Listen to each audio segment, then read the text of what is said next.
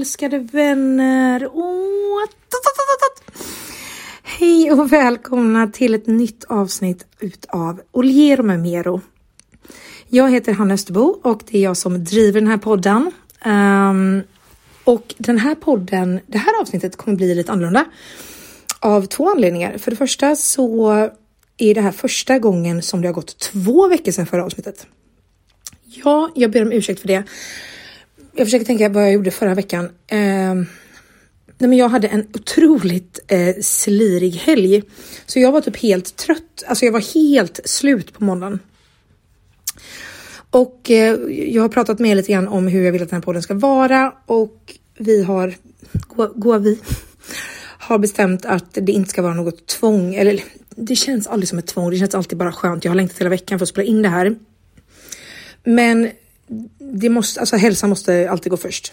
Så att därför så blev det inget avsnitt förra veckan. Vilket gör att vi har mycket att prata om. Och det här kommer också bli första avsnittet där jag antagligen kommer pausa. Um, alltså att jag klipper i avsnittet. Och det beror på att eh, jag har ett möte nu klockan åtta. Tillsammans med eh, mitt goa lilla skivbolag. um, och den fantastiska människan som um, driver det. Så då kommer jag pausa, så det är om ungefär en kvart. Och sen så kommer jag komma tillbaka efter det. Men hej och vad roligt att få prata med er igen. Gud, jag har verkligen saknat eh, er och det här sättet att prata med er. Det är otroligt härligt. Jag, jag, ja, jag älskar den här typen av kontakt eh, där vi det låter konstigt, typen av kontakt när det egentligen inte är, alltså det är ju ingen dialog va, det är mer en monolog va. Men det, det, är någonting så otroligt mysigt med att få prata med er på det här sättet på ett väldigt så här oklippt sätt men ändå bara ärligt liksom. Eh, för er som inte vet så är den här podden Ja, det är en veckopodd där jag pratar om mitt liv. Eh, vilket kan låta konstigt om man inte vet vem jag är. Eh, så det förstår jag helt och hållet. Om du inte vet vem jag är så heter jag Hanna Olero på Instagram. Jag har ett konto som, jag vet inte exakt vad det handlar om längre.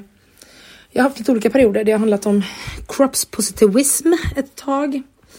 Det har handlat om psykisk ohälsa. Det har handlat väldigt, väldigt mycket om mitt singelliv senaste åren. Ja, jag är väl väldigt bara rätt upp och ner, inte så mycket ja, filter typ. Um, så det är jag. Och varmt välkommen till min podd. Där jag, det här är en dagbokspodd där jag pratar om livet och vad som händer. Och det händer ju. Det har hänt så mycket så jag vet inte ens var jag ska börja. Um, wow, vad jag lät eh, så otroligt bara, oh my god, det händer så mycket i mitt liv. Nej, så är det inte.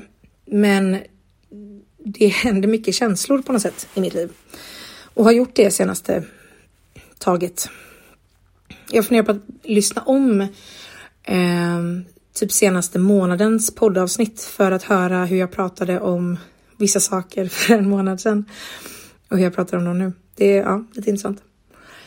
Men idag började i alla fall min fjärde vecka på mitt jobb där jag jobbar som copywriter och content creator. Och jag trivs fortfarande så bra. Alltså jag gör verkligen det. Jag hade någon som frågade mig jag tror det var, jo det var min psykolog som frågade mig om jag brukade bli liksom ja, men typ lite manisk eller så här nykär eller vad man ska säga i ett jobb i början eh, och om det sen lägger sig. Och det är faktiskt inte så. Utan de jobben jag verkligen, verkligen, verkligen trivs på, de har jag känt så hela tiden jag jobbat där. Eh, vilket som max var på mitt eh, ett jobb jag älskade väldigt mycket. Det var ett och ett halvt år, så det är ändå då kände jag samma känsla hela tiden. Och fortfarande är det så att några från det jobbet är fortfarande några av mina bästa vänner. Det är lite coolt. Um, så. så att jag har känt liksom ett väldigt så här lugn uh, i, i min liksom nyförälskat jobbet fas. Att in, jag känner inte att det är det är liksom inte maniskt som det kan bli med ADHD. Man liksom går väldigt mycket in i saker. Um, känner inte så. Eh, känner att jag jobbar hårt när jag är på plats, men jag känner också att jag kopplar av jobbet när jag inte är på plats, vilket känns otroligt skönt. Eh, jag känner mig lite ostressad. Det är en otroligt härlig atmosfär. Jag har en otroligt fantastisk chef. Eh, som både är liksom som min närmsta chef och har blivit en vän nu. Sen började, så vi har liksom umgåtts även utanför arbetstid. Vilket känns jätteroligt.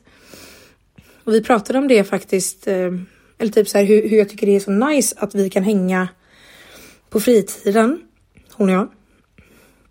Men när vi är på jobb så har jag aldrig någonsin en tvivel på att hon är min överordnade eller vad man ska säga. Nu, nu har vi en väldigt liksom, ett, eh, vad säger man, platt ledarskap. Alltså det är inte, man känner inte att det överhuvudtaget är någon hierarki, det är väldigt så här prestigelöst. Jag kan komma med en idé och den kan hon tycka är bra eller alltså så här, eh, känner inte alls så, men hon tar ju också andra beslut än vad jag gör. Och jag känner verkligen att jag har noll problem med just det, att jag vet också vad skillnaden går mellan jobb och privat, även om man är ju väldigt, alltså man är personlig på jobb också på något sätt. Och det känns häftigt.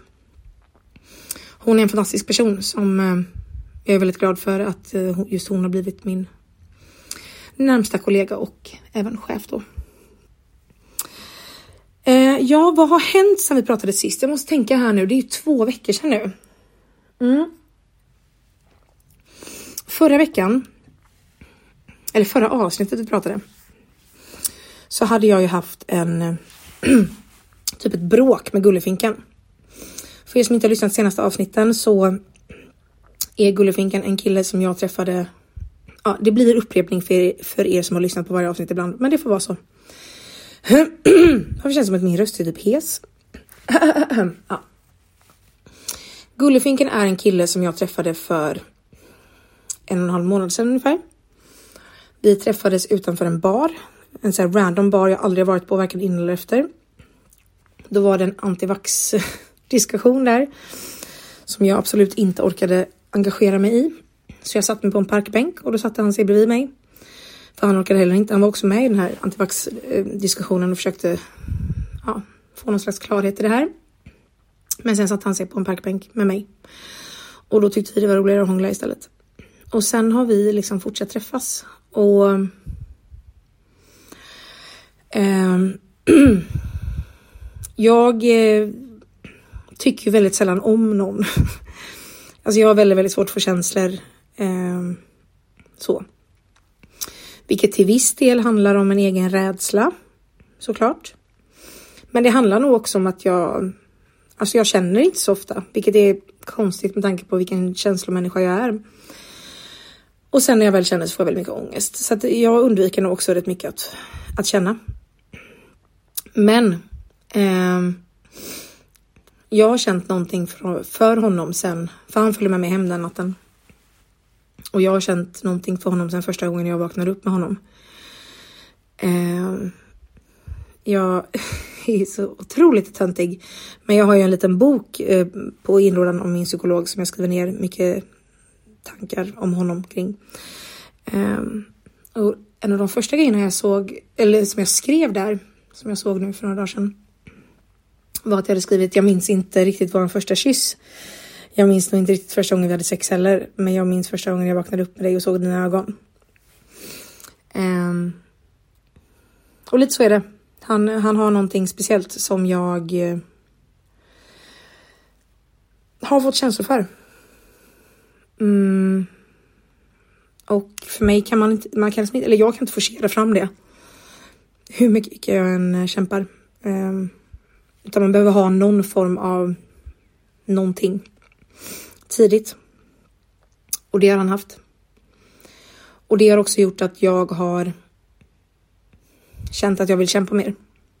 Jag vill utsätta mig för att, eller jag vill inte utsätta mig, men jag vill, jag vill liksom komma över mina egna rädslor för att eh, jag tror att han kanske är värd det, typ. Och i förra avsnittet så hade vi haft ett bråk där jag hade överreagerat mycket eller reagerat starkt liksom. Um, och sen då förra helgen som gjorde att jag inte hade avsnitt ett, förra måndagen. då hade vi ännu ett bråk. Um, för då var vi, eller då hade jag så här after work med mitt jobb. Och sen så mötte jag och min chef upp honom och hans två kompisar. och sen så, alltså jag vet verkligen inte hur exakt det här hände. Och det är verkligen någonting som jag känner att jag inte är jättestolt över, för jag, jag är väldigt emot principen och ja. Men vi hamnade till slut på Chat Noir. Och det är, för er som inte vet och bor i Göteborg, så är det en strippklubb. Um, och nej, jag skulle aldrig gått dit nykter, vilket kanske man inte gör, eller jag vet inte. Men um, Ja, jag tycker väl att det är rätt problematiskt att jag var där. Jag tycker inte att det, det kändes inte fräscht, alltså inte för att någon där är ofräsch, utan jag bara tycker inte att det kändes nice utifrån hur jag står i livsfrågor. Nej, men jag vet inte. Jag tycker det känns ofeministiskt. Um, så det hände i alla fall. Vi hamnade där med ett gäng. Um, och var på Chat Noir, vilket ja, jag, ja, jag hade rätt mycket ångest över det faktiskt. Jag tycker. Jag dömer alltså inte de personer som väljer att jobba på Chat Noir och eh, väljer att arbeta som strippor där, utan eh, jag fördömer nog bara hela konceptet eh, med lättklädda kvinnor och eh, ja, allt vad det innebär. En sån typ av klubb. Eh, men ja, hur som helst så hamnade vi där. Och det var så himla sent. Vi var så fulla och vi skulle åka hem. Och då blev det också en grej som han i efterhand liksom ringde mig dagen efter och typ bad jättemycket om ursäkt för att han reagerade så himla starkt och det gjorde han verkligen. Och jag eh, reagerade ju inte så mycket utan jag var typ tyst rätt mycket och han har aldrig reagerat så starkt mot mig. Och han är också en väldigt introvert person så att jag blev nog väldigt chockad över att han typ blev så arg för så här, Alltså inte arg, men han blev liksom. Nej, men han blev, han blev ledsen för att jag trodde så om honom och ja, och jag blev ledsen för att han blev arg och ja, det var en konstig situation. Så vi stod liksom utanför Chat Noir i typ en halvtimme och typ bråkade. Vi åkte taxi hem till mig, eh, bråkade hela taxiresan, bråkade typ en halvtimme utanför min dörr. Um, till slut, jag bara, alltså jag går, om inte jag går in nu så kommer jag frysa ihjäl liksom. Gick in och tog typ en timmes dusch. Alltså jag mådde så skit när jag vaknade sen på lördagen. Hade liksom somnat typ i 6-7 typ. Alltså pff, snälla, jag är inte 20 år längre. Jag måste inse det. Och han är inte 20 år, han är för fan 37 liksom. Eh, och efter det så kändes det så lite konstigt typ. Eh, för det jag känner var lite jobbigt är typ så här. Vi hörs ju inte jättemycket och då blir det ju mer att vi ses på typ helger. Och då hade vi bråkat liksom två helger i rad, vilket kändes väldigt konstigt när vi fortfarande är väldigt så här, vet inte var vi står, var vi är. Um, och sen så är han väldigt, väldigt, väldigt dålig på att höra av sig. Um, sådär. Och vi har ju samma rädsla fast på olika sätt kan man säga.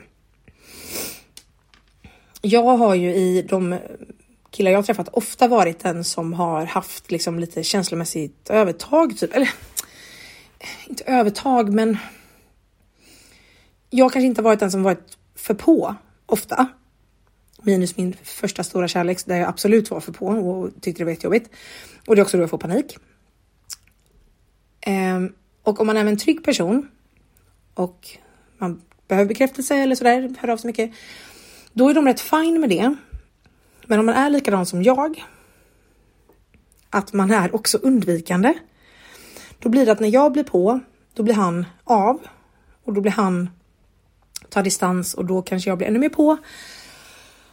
Vilket leder till en väldigt dålig spiral som slutar med att det bara blir fel liksom. Ehm, och det blir som en ett gummiband där man liksom den ena drar den andra följer efter fast ändå inte, ja, det kaos bara. Och så har jag väl upplevt att vi har haft de senaste veckorna. Att jag har liksom försökt få ur saker från honom och han har liksom inte velat öppna sig och inte velat släppa in mig och då är jag så här, okej, okay, men då tycker inte du om mig. Eh, och då känns det onödigt för mig att jag ska liksom utsätta mig för eh, för att eventuellt få känslor för någon som kanske inte kommer få det tillbaka. Samtidigt som varje gång vi har setts så har det känts som att han har bekräftat mig, vilket har gjort mig jätteförvirrad för då är det så här, okej, okay, du tycker om mig, men sen när vi skiljs åt så kan vi inte, då hör, ah, va? Um, och sen så har jag insett också att jag behöver ta tag i mitt eget datingliv. Alltså, nej, inte så. Min egen datingångest. För jag får ju verkligen brutal ångest så fort jag typ tycker om någon. För jag, jag tycker att, alltså. Jag brukar förklara det här som en halvmåne. Att för mig är det som att när du liksom är typ nyförälskad så är det så nära att det tippar över och blir ren och skär ångest liksom. Vilket är svårt att förstå om man kanske inte har upplevt det själv, men det är verkligen så jag upplever det. Att det är, det är väldigt nära förknippat och att känslor som är liksom de här pirriga kärlekskänslorna.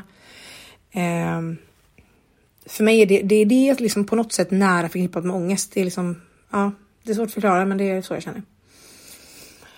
Um, och då fick jag mycket tips av er om en eh, podd som heter Happy Dating med en tjej som heter Linnea Molander och en bok som heter Dating börjar med dig. Och den boken har jag läst senaste två veckorna och även lyssnat en del på hennes podd. Och hon är fucking amazing. Hon är alltså vad heter, en dating coach typ. Hon är helt fantastisk. Alltså hon är verkligen helt fantastisk. Ehm, och den boken som jag då... Det enda negativa, jag köpte den som ljudbok och då får man den som liksom en ljudfil. Vilket gör det dumt för att varje gång du pausar den så liksom måste du komma ihåg vart du var. Man kan liksom inte lägga bokmärke. Och du kan inte lägga in den i någon, eller jag har inte lyckats lägga in den i en poddspelare liksom. Så det var lite bökigt, men den är också bara fyra timmar så att det, det, det går bra. Så att jag har lyssnat om den flera gånger, liksom första delarna. Och det var så otroligt befriande att bara höra någon som som förstår, som pratar om ens eh, kärleksångestproblematik på ett sätt som inte är liksom tycka synd om eller liksom, utan bara säga rätt upp och ner. Så här kan det vara för dig. Och då har jag också insett mycket om mig själv. Eh, att jag kräver mycket bekräftelse i början. Och det kan göra, alltså en lugn person kanske inte reagerar på det. Om man är då en undvikande person så kan man tycka att det kan vara jobbigt. Um, och att jag också inser mitt eget ansvar på något sätt i hur hur det har varit mellan mig och Gullefinken nu senaste veckorna liksom. Oj, nu ser jag här att jag ska in i det här mötet nu. Så att jag pausar här. Men ni kommer ju inte märka en paus utan jag kommer ju starta igen. Men nu vet ni att det blir en paus. Så att nu blir det en paus. Hejdå så länge. Hallå igen. Va? Jag var inte borta så länge va? Nej. Teknikens under då. Eh, vad bra att det gick att lösa så här. Att jag kunde ha ett möte emellan och så fortsätter jag inspelningen. Eh, syftet är ju egentligen inte att jag inte får pausa. Syftet med podden är ju egentligen mer eller syftet med podden, men att jag inte klipper är ju för att inte liksom göra det komplicerat och göra det så här väldigt avskalat på något sätt. Så att eh, nu, oh my god, jag känner mig helt så här uppfylld med energi. Jag hade ju då precis möte med min skivbolagsdirektör. Det låter väldigt fancy, eh, men jag blev ju signad för ett skivbolag förra året som heter CRS Studios. Och eh, han som äger det heter Stefan och är bara en fantastisk jävla människa. Jag är bara så glad oavsett vad som händer eh, att jag har träffat honom. Eller det har jag inte, men jag har. Vi har haft många Teams sessioner. För han är bara så himla godhjärtad person. Eh, och jag blev signad på honom förra, förra året. Han la ut en eh, annons på Instagram. Han sökte en icke-man och han skrev en otroligt eh, var rolig annons som jag tyckte om. Så då skrev jag till honom, skickade lite ljudprov typ, eller prov, men jag skickade lite lite videos och inspelningar när jag sjöng. Och han tyckte om min röst och ville signa mig, vilket han gjorde. Och sen har eh, vi hade väldigt stora planer i början och jag skrev mycket liksom musik. Fastän jag har extrem, alltså jag har ju prestationsångest kring mycket i livet, men just kring musik, det är helt otroligt. Det är, ja, det är svårt att förklara hur mycket prestationsångest som finns i den här lilla kroppen. Men eh, så är det. Men vi kom rätt långt med en låt och sen så bara dog det ut för att mitt liv bara kaosade ihop typ. Och han har liksom stått kvar hela hösten. När allt var som värst eh, så var han ändå sån som liksom hörde av sig, frågade hur jag mådde, frågade om han kunde hjälpa mig med någonting annat. Alltså så här, ville hjälpa mig kring mycket ADHD, svåra bitar liksom. Eh, och har stått kvar fastän han liksom absolut inte tjänar några pengar på mig för att vi har inte publicerat någonting. Och det var bara så fint att träffa en människa.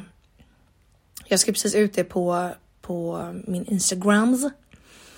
Just det här med att träffa människor som liksom tror på en fastän man inte presterar eller kan ge dem någonting.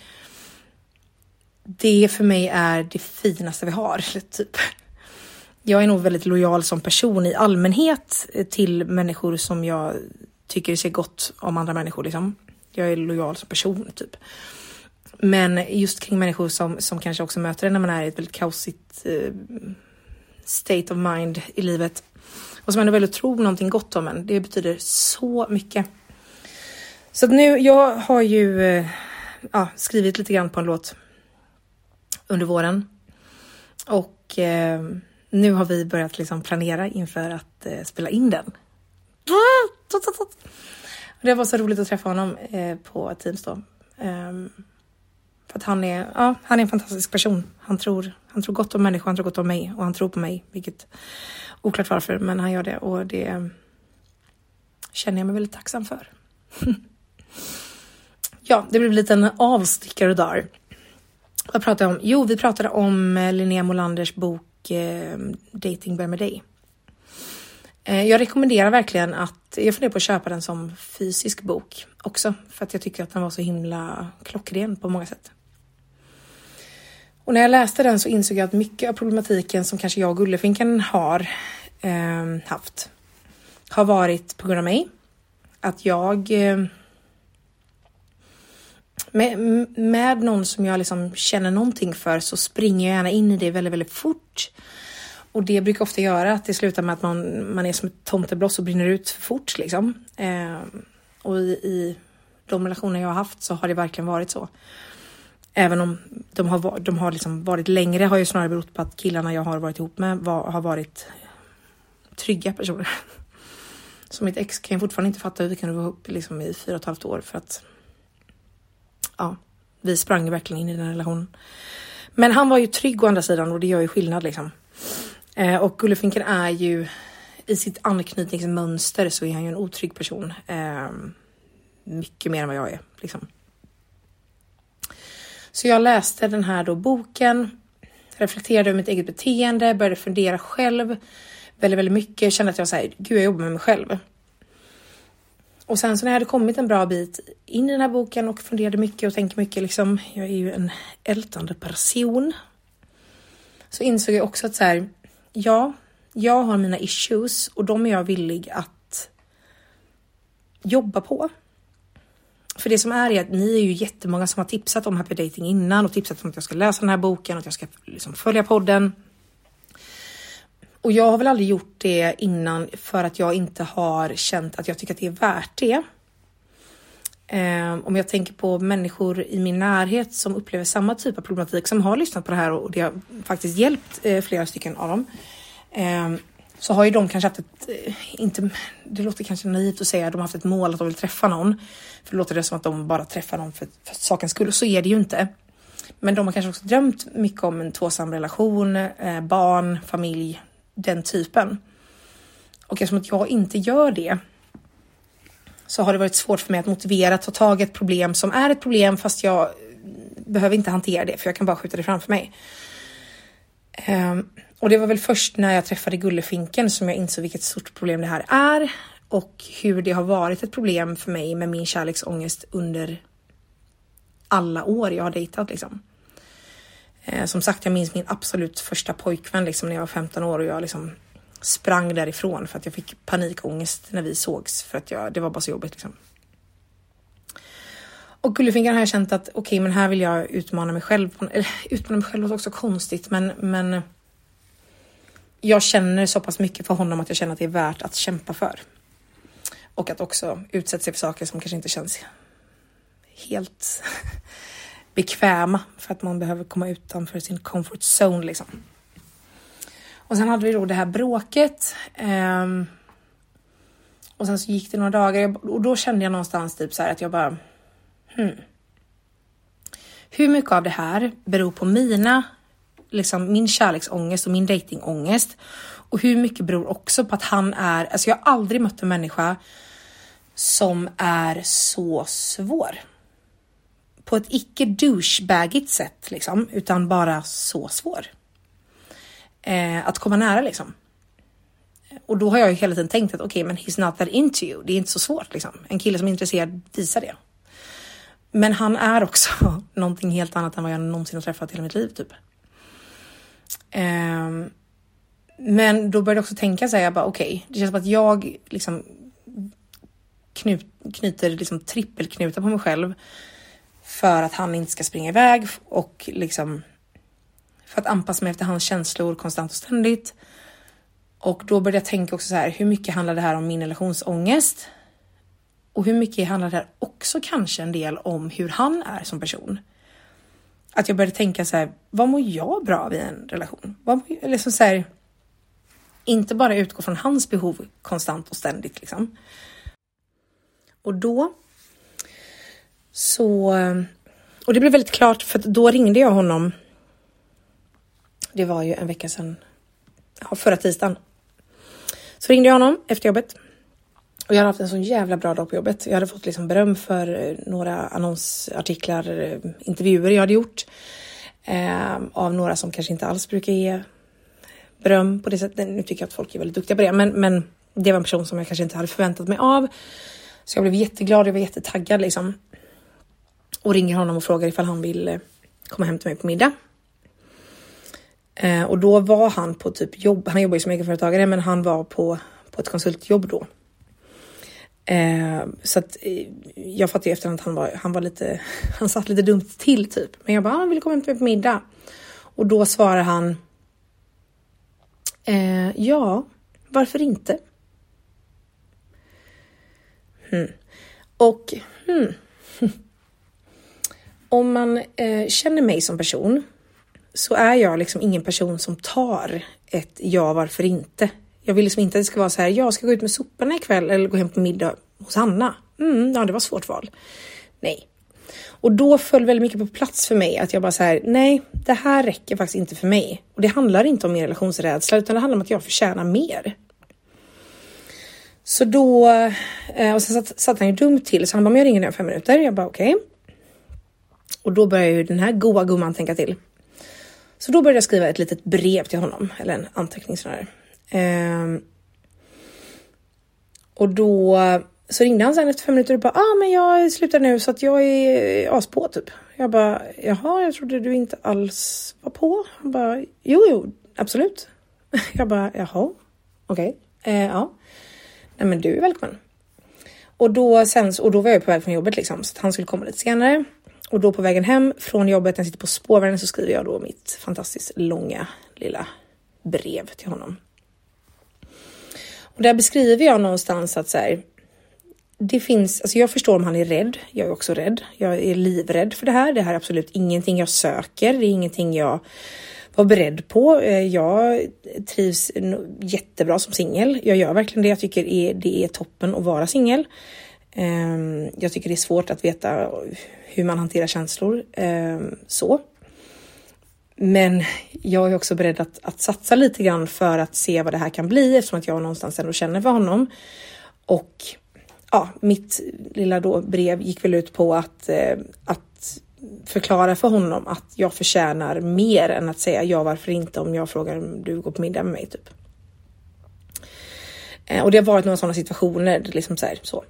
Om typ jag frågat om han vill hitta på någonting och då har han svarat liksom ändå så här gulligt, men, men så här, ah, nej, men jag kan inte lalla, men inte kommit med ett nytt förslag typ.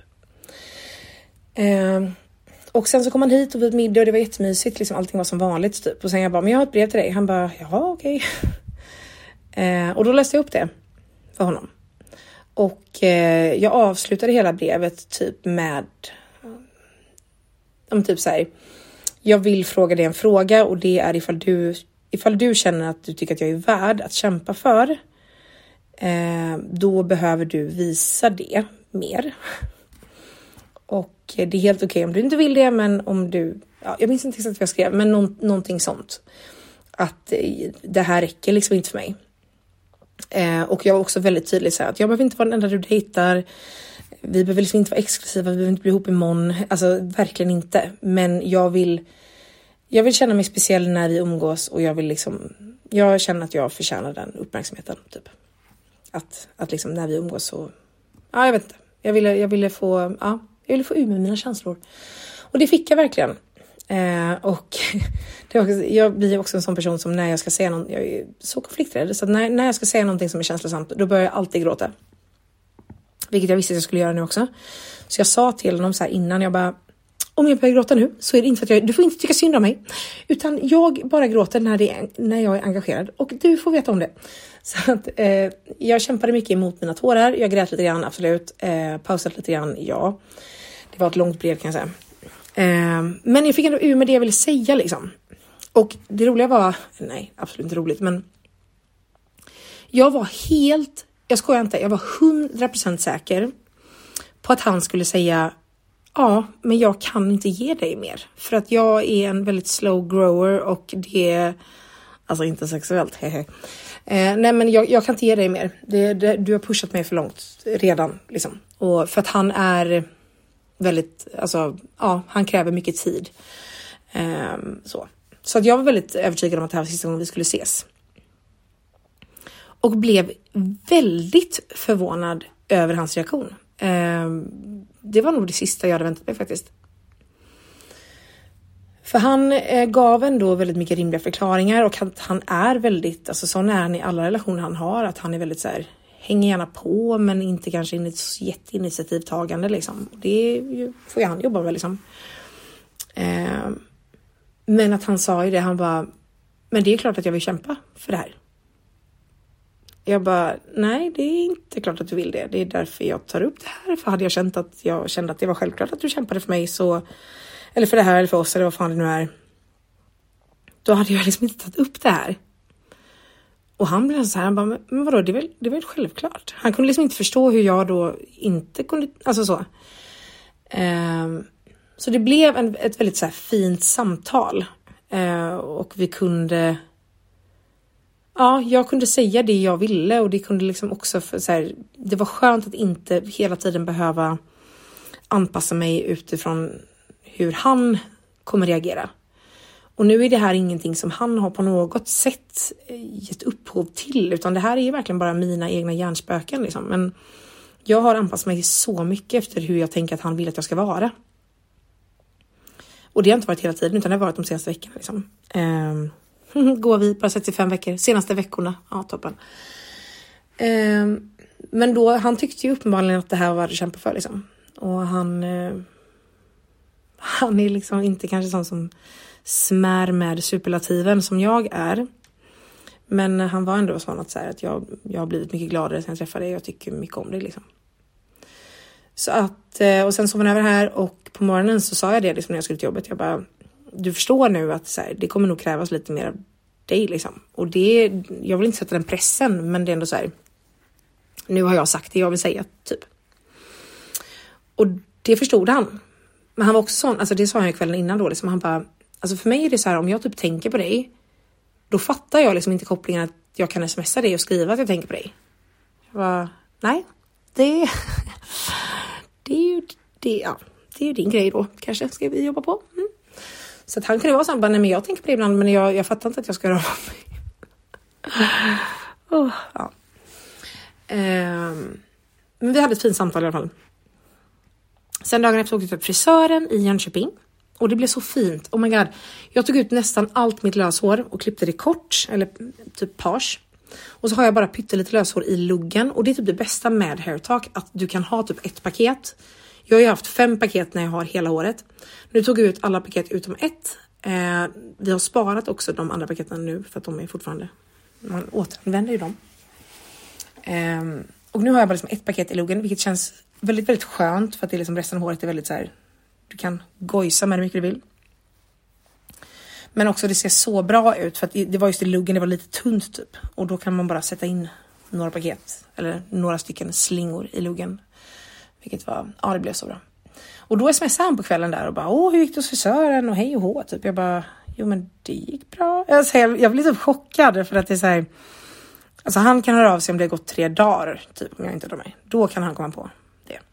Så det här tyckte jag ändå tydde på typ att okej, okay, vi vill någonting här. Det, det här är ändå mm, det låter så löjligt att jag bara oh my god han smsade men det är också svårt att förklara om man inte känner honom. Alltså är ni med? Ja, det mm. Um, så det finns lite grann där dagen efter och sen så dagen efter det, då skrev han och frågade ifall jag ville gå på dejt med honom på helgen. Um, och om jag vill åka till hans stuga. Vi har pratat om det för han har en stuga lite utanför Göteborg. Och typ så här, ja men kanske vill du åka till stugan och kolla på solnedgången och sen åka hem till mig och äta middag. Jag bara, eh, absolut. Alltså jag var så chockad över att han tog initiativ för att det alltså som sagt, han är typ alltid på och det har han sagt själv. Han bara, jag är alltid på.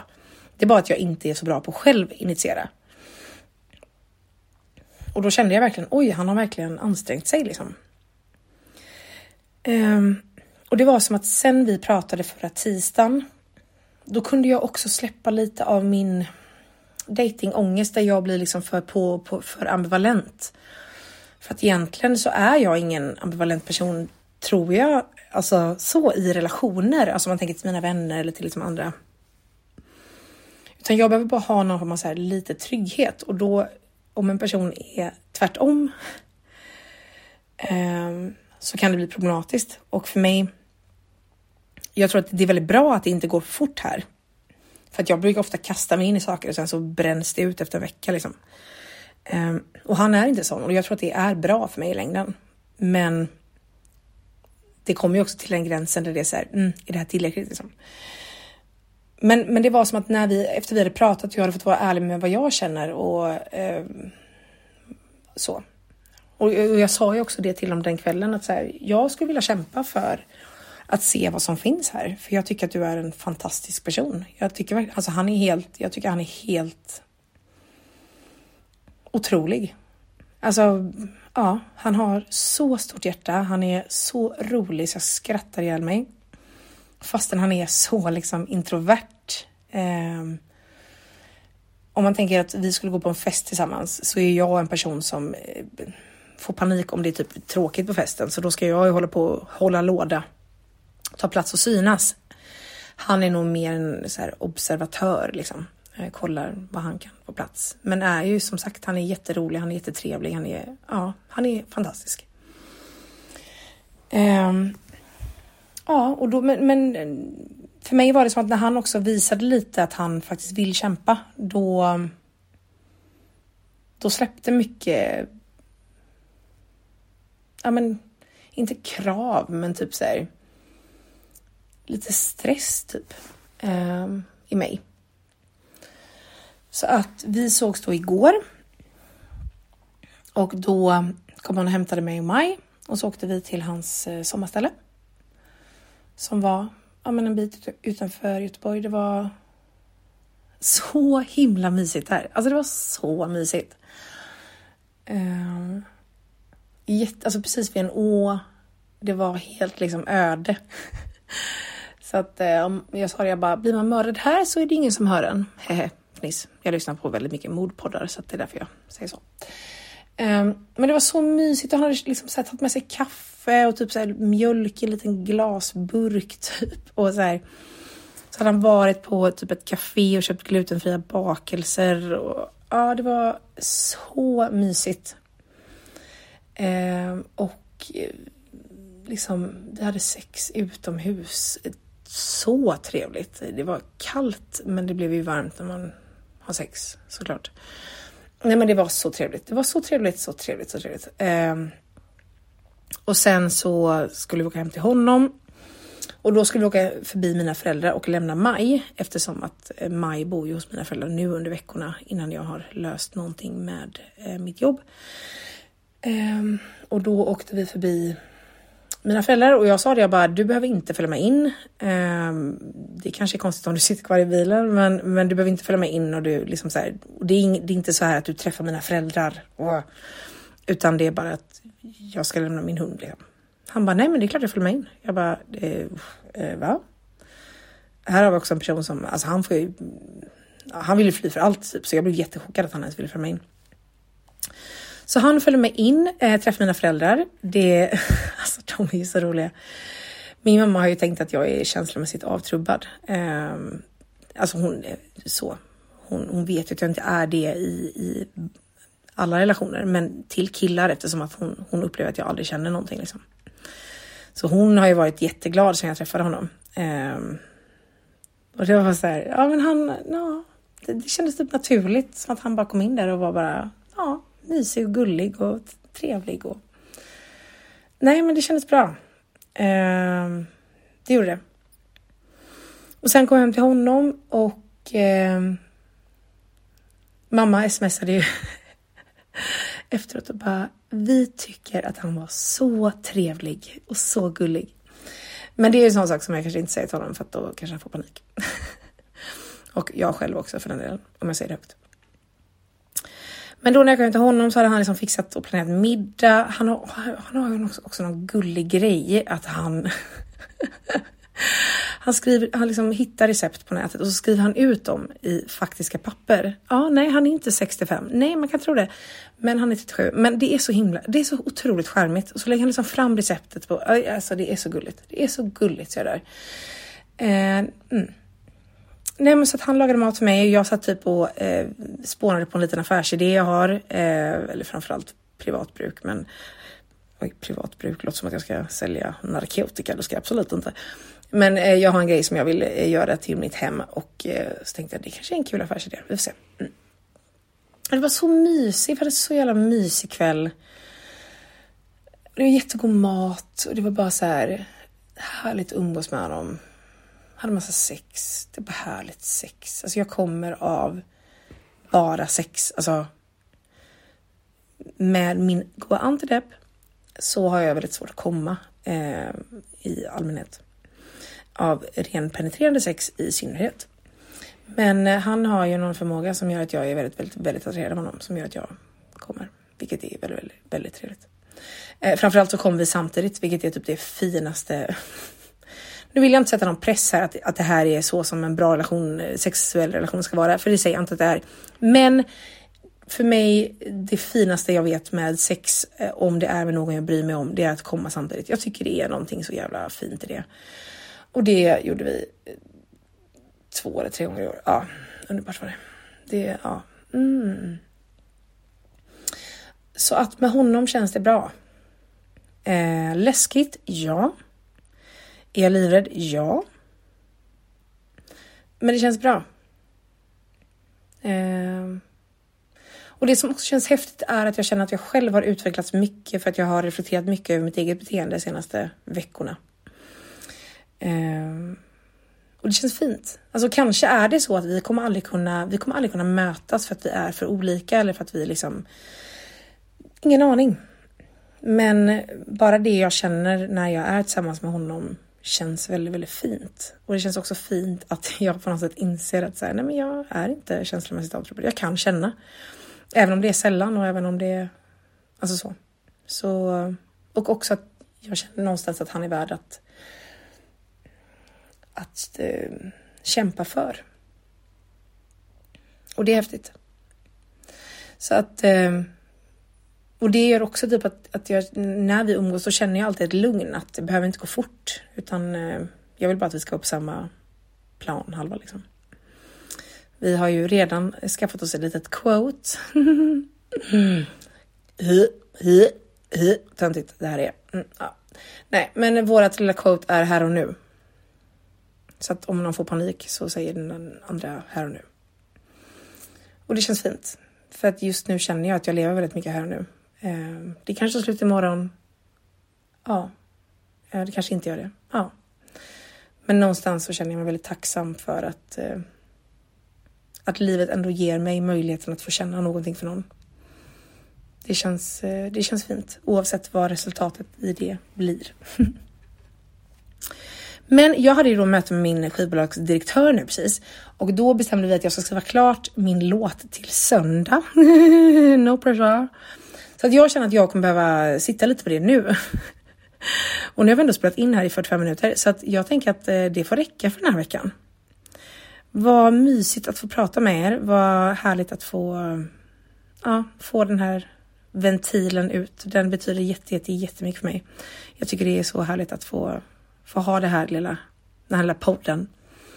Eh, och tack snälla ni som har skrivit under veckan att ni saknade förra veckans avsnitt. Jag, det gör mig väldigt glad att ni lyssnar ens. Liksom. Ofattbart på många sätt, ja, men eh, det gör mig väldigt hedrad. Jag vill och hoppas verkligen att eh, det fortsätter att bli varje vecka, för det är ju verkligen eh, så härligt att bara sitta och prata med er. Kanske inte så här länge då, men, men att det ändå blir av. Det, det är mitt mål. Nu önskar jag er, i Göteborg har det varit så vackert väder idag och jag hörde att det ska vara vackert väder typ hela veckan. Förhoppningsvis. Så att jag önskar er en eh, underbar vecka. Och är den inte underbar så hoppas jag att det är en helt okej okay vecka. Jag hoppas att du tar hand om dig, att du är rädd om dig själv eh, och vårdar ditt hjärta liksom. Så eh, hörs vi igen i nästa vecka. Puss och kram!